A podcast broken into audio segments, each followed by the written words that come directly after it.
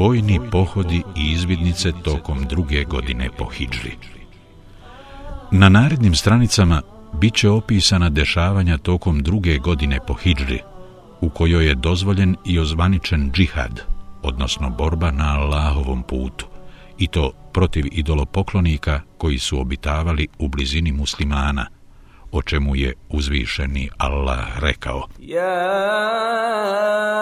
ejuha allazina amanu qatilu allazina jalunakum minal kuffari wal yajidu fikum ghilzah واعلموا ان الله مع المتقين borite se protiv nevjernika koji su u blizini vašoj i neka oni osjete vašu strogost. i znajte da je Allah na strani čestitih. Et Tevba 123 Ovo pojašnjenje u vezi sa džihadom došlo je nakon Allahove naredbe poslaniku sallallahu alaihi veselem koju nalazimo u sljedećem ajetu. Ja ejuhan nabiju jahidil kuffara wal munafiqina wagluz alaihim wa ma'wahum jahannam wa bi'sal masir. O vjerovjesniče, bori se protiv nevjernika i licemjera i budi prema njima strog. Prebivalište njihovo bit će džehennem, a grozno je on boravište. Et Tevba 73 Ali i nakon opće dozvole borbe i ratovanja protiv nepravednih i nasilnih idolopoklonika, u vezi s čime je uzvišeni Allah objavio. Uzina lillazina yuqataluna bi annahum zulimu, wa inna Allaha ala nasrihim laqadir. Dopušta se odbrana onima koje drugi napadnu, zato što im se nasilje čini, a Allah ih je doista kadar pomoći. El Hadž 33 Naime, prije ove dozvole, dakle prije hijdžre, muslimanima je oružana borba bila zabranjena, bez obzira na okolnosti i prilike. Prve godine po hijdžri poslanik sallallahu alaihi veselem slao je vojsku na teren tri puta, zaduživši ih da izvrše borbene zadatke, o čemu je već bilo govora na prethodnim stranicama. Druge godine po Hidži poslanik sallallahu alejhi ve sellem odaslao je 18 izvidnica i vojnih pohoda o kojima će biti govora na stranicama koje slijede. Islamski historičari prave razliku između pohoda i izvidnice, pa pohodom nazivaju vojne akcije u kojima je lično učestvovao i Allahov poslanik sallallahu alejhi ve sellem, dok to nije bio slučaj sa izvidnicama.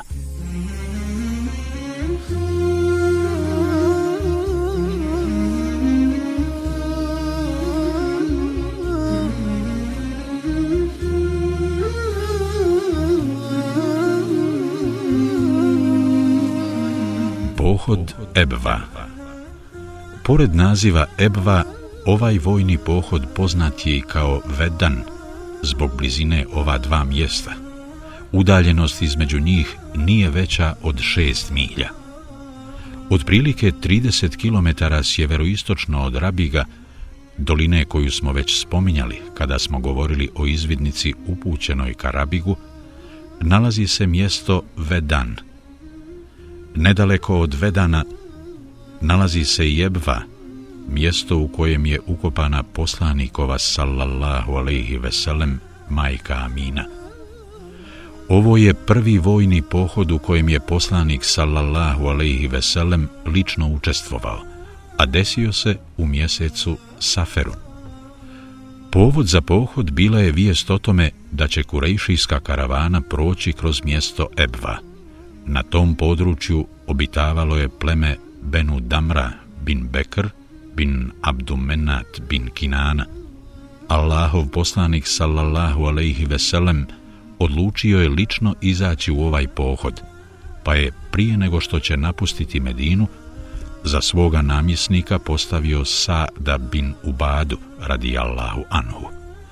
Kada je sa muslimanima stigao na teritoriju plemena Benu Damra, Muhammed sallallahu alejhi ve sellem sklopi savez sa ovim plemenom preko njihovog starješine, koji se zvao Mahšij bin Amr ed Damri. Kurejšijska karavana ovaj put umače poslaniku sallallahu alejhi ve sellem, nakon čega se on vrati u Medinu, ali ne odmah, već kad prođe mjesec Safer i nastupi mjesec Rebiul Evel. Poslanikova sallallahu alaihi veselem zastava u ovom pohodu bila je bijele boje, a nosio ju je njegov amidža Hamza bin Abdul Muttalib.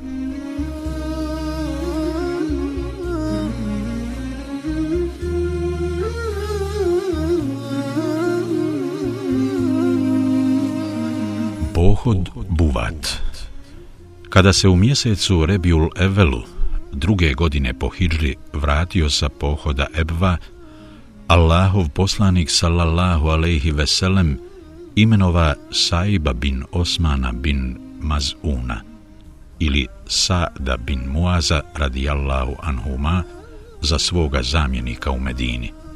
A zatim na čelu 200 jahača krenu da napadne kurejšijsku karavanu koja je brojala 2500 deva i stotinu ljudi, među kojima se nalazio i Umeja bin Halef. Zastavu je u ovom pohodu nosio Sad bin Ebu Vekas radi Allahu Anhu. Putovali su sve dok ne stigoše u mjesto poznato kao Buvat, a koje se nalazilo podno brda Radva iz pravca Jenbua. U ovom je mjestu Allahov poslanik sallallahu alaihi veselem ostao sve do kraja mjeseca Rebiul Ahira, da bi se početkom mjeseca Džumadel Ula vratio u Medinu. Ni ovaj put Allahov poslanik sallallahu alaihi veselem nije uspio izvršiti napad na zacrtani cilj, jer im je voljom uzvišenog Allaha i njegovom odredbom karavana umakla, tako da je nisu uspjeli presresti. Kako god, Allahovom poslaniku sallallahu alaihi veselem i njegovim ashabima dovoljno je to što su uložili trud i dali sve od sebe da im plan uspije, a to je na kraju krajeva ono što se od njih primarno i traži. Što se tiče ostvarenja cilja i postignuća uspjeha, odluka o tome pripada Allahu i nikome drugom osim njemu. On je onaj koji daje ili oduzima. Samo on dozvoljava ili sprečava. A sve to biva zbog neke velike mudrosti koju muslimani moraju prihvatiti, kao što se moraju pokoriti i svemu onome što on odredi.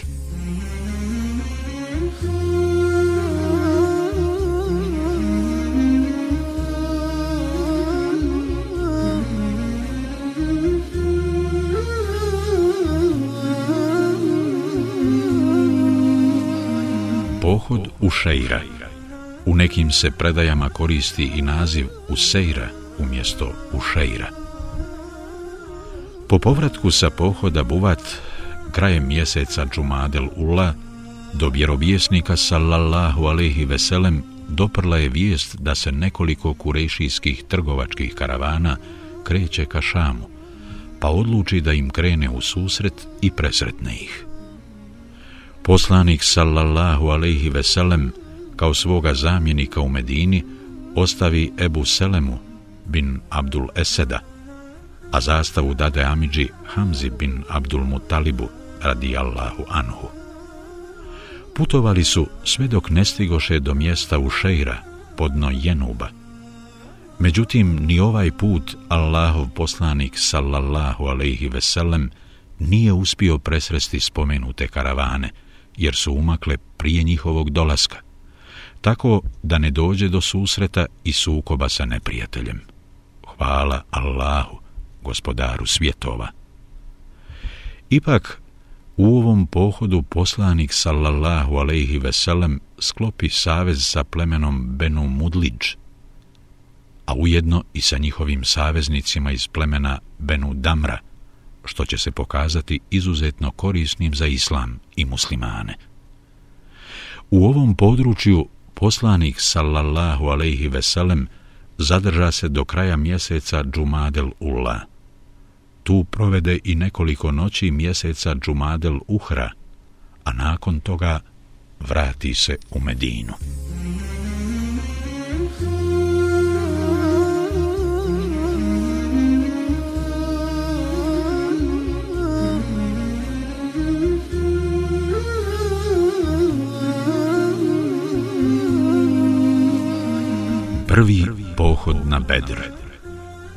Povod za ovaj pohod bio je taj što je Kurz bin Džabir el Fihri pokrao deve, krave i ovce koje su pasle u okolici Medine. Ovo se desilo ubrzo nakon poslanikovog sallallahu alaihi veselem povratka sa pohoda u Šeira, tačnije manje od deset dana nakon ovog pohoda. Kada je spomenuti kurz pokrao medinsku stoku, poslanik sallallahu alejhi ve sellem zajedno sa svojim ashabima dade se u potjeru za njim, kako bi ga pronašao i vratio ono što je ukrao. Kao svoga zamjenika u Medini postavio je Zejda bin Harisu radijallahu anhu, dok je ovaj put zastavu nosio Alija bin Ebu Talib radijallahu anhu. Pratili su kurzove tragove sve dok ne stigoše u dolinu Sefvan, koja se nalazi u blizini Bedra, međutim nisu ga uspjeli sustići. Ovaj vojni pohod nazvan je prvi pohod na Bedr, jer je poslanik sallallahu alaihi veselem, tragajući za ovim kradljivcem, dospio u neposrednu blizinu Bedra. Ali i zato što je u narednom pohodu na istom tom mjestu došlo do velike bitke, u kojoj je uzvišeni Allah pomogao svoga poslanika i vjernike u borbi protiv Ebu Sufjana i Mušrika, što se smatra drugim pohodom na Bedr, poznatim i kao velika bitka na Bedru.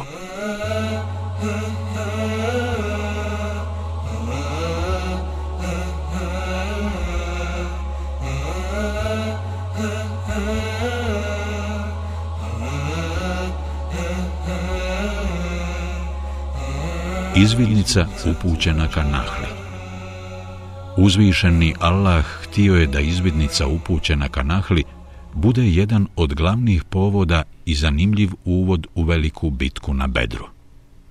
Naime, ova je izvidnica na borbeni zadatak izašla u mjesecu Ređebu, druge godine po Hidžri, dok će se velika bitka na Bedru odigrati u mjesecu Ramazanu, iste te godine. Dakle, između ove izvidnice koja je bila pod zapovjedništvom Abdullaha bin Džahša i velike bitke na Bedru, protekao je samo jedan mjesec, mjesec Šaban. Poslanik sallallahu alaihi veselem za vođu zapovjednika ove izvidnice prvo je bio odredio Ebu Ubejdu Amira bin Abdullaha bin Džerraha radijallahu anhu te mu naredio da se pripremi za boj, čemu se on i pokorio. Međutim, kada je sve bilo spremno za pokret, Ebu Ubejda se od siline tuge za poslanikom sallallahu alaihi veselem i pomisli da će se s njime rastati, toliko ražalostio da je zajecao i silno se rasplakao. Kada ga je poslanik sallallahu alaihi veselem vidio u takvom stanju, odustao je od namjere da ga pošalje kao predvodnika ove izvidnice, te ovaj zadatak povjeri Abdullahu bin Džahšu, sa kojim posla još osmericu muhađira. Ovom prilikom poslanik sallallahu alaihi veselem naredi da se napiše dokument u kojem su bile navedene upute vezane za plan i cilj akcije. Međutim, zabranio je Abdullahu da taj dokument otvori prije nego proputuju razdaljinu od dva dana jahanja. Kada pređu spomenutu razdaljinu, tada su trebali otvoriti zapečaćeni dokument, pogledati daljnje upute i postupiti prema njima. Ali nikoga od svojih drugova nisu smjeli natjerati da ide dalje, ako to ne želi. Tako se zaista i desilo. Nakon što su prešli razdaljinu od dva dana jahanja, Abdullah bin Džahš radijallahu anhu otvori dokument i pročita šta u njemu piše. Našao je naređenje da se zajedno sa svojom družbom uputi ka Nahli, mjestu smještenom između Meke i Taifa, te da odatle pomno motri na Kurejšije i njihova kretanja i aktivnosti, kao i eventualne vojne akcije koje su željeli poduzeti. Abdullah je naređenje prenio svojim drugovima i svi krenuše s njim na izvršenje zadatka. Međutim, Sa'd bin Ebu Vekas i Utpa bin Gazvan u toku putovanja izgubiše devu koju su na izmjenično jahali, te se izdvojiše iz skupine i dadoše se u potragu za njom, dok Abdullah sa ostatkom družine nastavi put, sve dok ne stigoše do Nahle. Vidjeli su kurejšijsku karavanu koja je prenosila tovare grožđica i drugih vrsta robe, a u njoj su bili Amr bin Hadremi, Osman bin Abdullah bin Mugira i njegov brat Nevfel i Hakem bin Kejsan. Kako bi ih zavarao i dobro ih osmotrio, Ukaša bin Mihsan obrija svoju glavu. Ovaj Ukašin potez ubraja se u poznato ratno pravilo koje kaže da je rat varka i obmana. Naime, on je obrijao glavu kako bi svojim izgledom zavarao mušlike i naveo ih da pomisle kako se radi o hodočasnicima koji su obavili obred umre, pa se sada mirno i spokojno vraćaju svojim kućama. Kada su ga mušlici iz karavane vidjeli obrijane glave, odahnuše i rekoše Nema opasnosti, ovo su hodočasnici koji su obavili umru. Muslimani koji su bili u ovoj izvidnici počeše da se dogovaraju i savjetuju kako i šta učiniti, jer je bio posljednji dan mjeseca Ređeba, jednog od svetih mjeseci u kojima je borba zabranjena. Dakle, ako ih sada ostave, karavana će u toku noći već ući na teritoriju Harema, odnosno na područje u kojem je zabranjeno ratovanje i ubijanje. A ako ih napadnu odmah, tako će prekršiti zabranu o ratovanju u svetim mjesecima. Bili su zbunjeni, ali se ipak nakon savjetovanja odlučiše da ih napadnu odmah. Vakid bin Abdullah et Temimi, jedan od muslimanskih boraca, odape strijelu i pogodi Amra bin Hadremija i na mjestu ga ubi. Zarobiše Osmana bin Abdullaha i Hakema bin Kejsana, dok im Nevfel umaknu. Dadoše se u potragu za njim, ali ga ipak ne stigoše. Sa zaplijenjenom karavanom i dvojicom zarobljenika, muslimanski borci zaputiše se nazad ka Medini. Neki članovi porodice Abdullaha bin Džahša pripovjedaju da je Abdullah svojim drugovima, koji su s njim učestvovali u ovoj izbidnici, rekao sljedeće. Allahovom poslaniku sallallahu alaihi veselem pripada petina ovog plijena, nakon čega mu je i izdvojio petinu od zaplijenjene količine. Ovo se desilo i prije nego što će taj propis biti potvrđen objavom, tako da je Abdullahova odluka da na taj način postupi jedan vid nadahnuća od uzvišenog Allaha. Ajet kojim je potvrđen propis izdvajanja petine ratnog plijena za poslanika sallallahu alaihi sellem glasi فاعلموا أنما غنمتم من شيء فأن لله خمسه وللرسول ولذي القربى واليتامى واليتامى والمساكين وابن السبيل إن كنتم آمنتم بالله وما أنزلنا على عبدنا يوم الفرقان يوم التقى الجمعان والله على كل شيء قدير I znajte da od svega što u borbi zaplijenite, jedna petina pripada Allahu i poslaniku i rodbini njegovoj, i siročadi, i siromasima, i putnicima, ako vjerujete u Allaha i u ono što smo objavili robu naše, na dan pobjede, na dan kada su se sukobile dvije vojske. A Allah sve može. El Enfal 41 Allahov poslanik sallallahu alejhi ve sellem nije odobrio napad na mušrike koji su učesnici ove izvidnice izveli za vrijeme svetih mjeseci. Pa je odluku o tome šta će se desiti sa karavanom i zarobljenicima odgodio, to jest njihov je status zamrznuo. Osim toga, nije htio prihvatiti ništa od ratnog plijena koji su muslimani sa sobom donijeli. Vidjevši ovo, svi članovi izvidnice osjetiše kajanje i pomisliše da su upropašteni, a i muslimani su ih oštro korili zbog njihovog postupka. Vijest o tome doprla je i do Kurejšija, koji digoše veliku hajku, govoreći kako su Muhammed i njegovi drugovi narušili i oskrnavili nepovredivost svetih mjeseci, time što su u njima prolili krv, oteli i metke i zarobili neke od njih.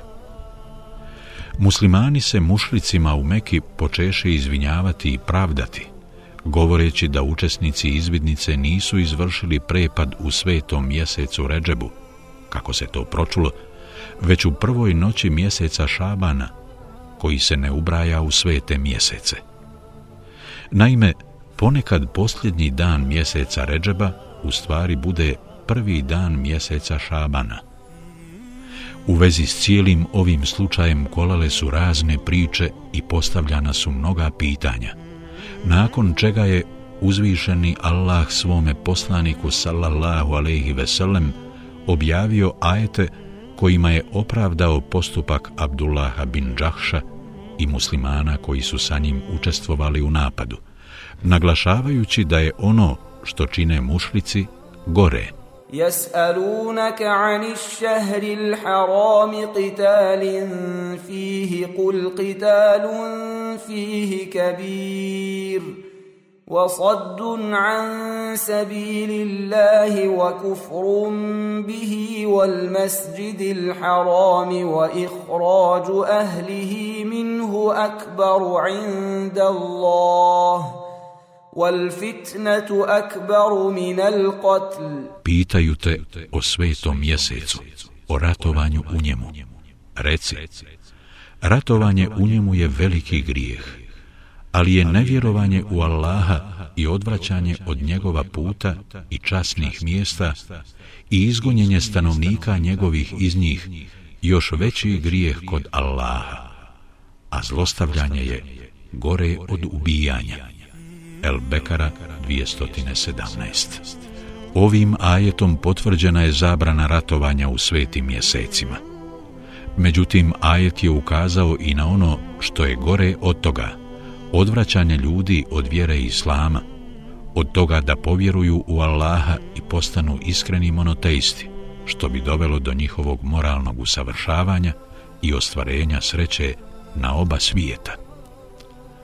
Isto tako, veći i gori grijeh od ratovanja u svetim mjesecima jeste nevjerovanje i poricanje uzvišenog Allaha, njegovog poslanika i sudnjeg dana – kao i odvraćanje ljudi od Allahovog časnog harema i zabranjivanje vjernicima da u harem uđu kako bi samo Allaha obožavali.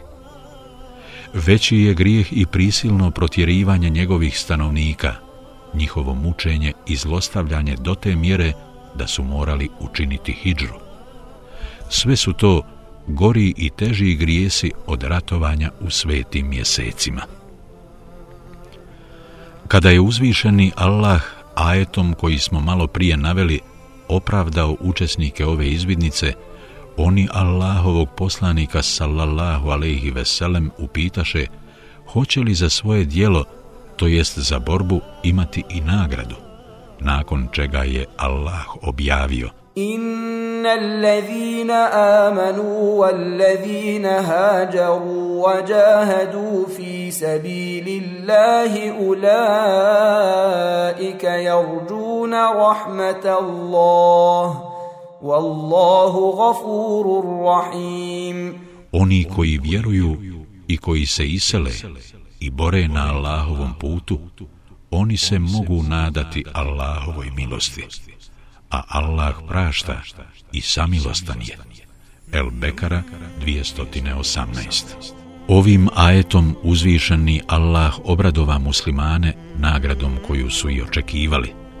Time prestadoše priče i previranja oko ovog slučaja, a Kurešije poslaše zahtjev za oslobođenje dvojce zarobljenika. Odluku o njihovom oslobađanju poslanik sallallahu alaihi ve sellem prolongirao je sve do povratka Sa'da bin Ebu Vekasa i njegovog druga Utpe bin Gazvana, koji su izostali iz ove izbidnice zbog izgubljene deve, kako smo to već prethodno pojasnili.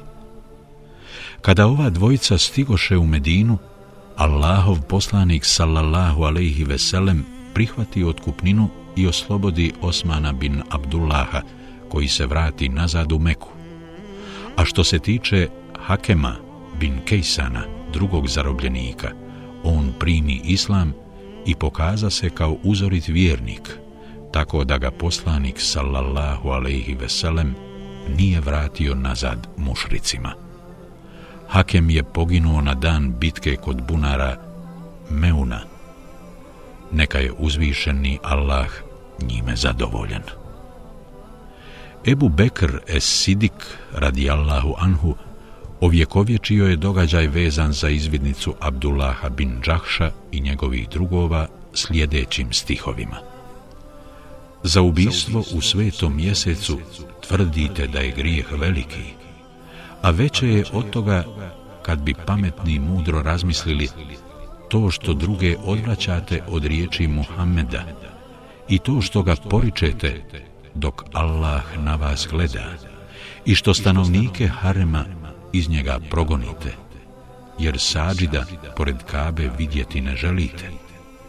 Pa iako nas zbog ubistva njegovoga kudite, vi zlobnici, zavidnici i na islam hajku dižete, mi smo krvlju Ibn Hadremija koplja naša napojili, kod nahle onog dana kad su se rat i bitka rasplamsali a Osman bin Abdullah sad je među nama.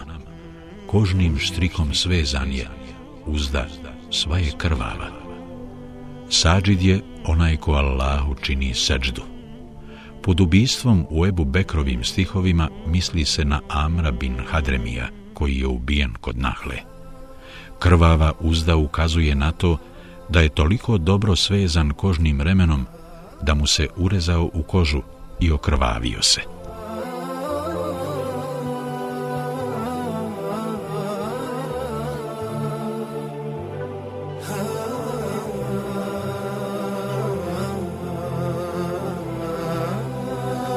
Zaključci, pouke i poruke Prvo, breme borbe na Allahovom putu i dostavljanja njegove vjere kojima je bio zadužen poslanik sallallahu alaihi veselem, bilo je teško nositi. Samo što bi izašao iz jedne bitke, već bi bio primoran da se priprema za drugu. Zbog svega toga, uzvišenog Allaha molimo da ga nagradi najljepšom nagradom.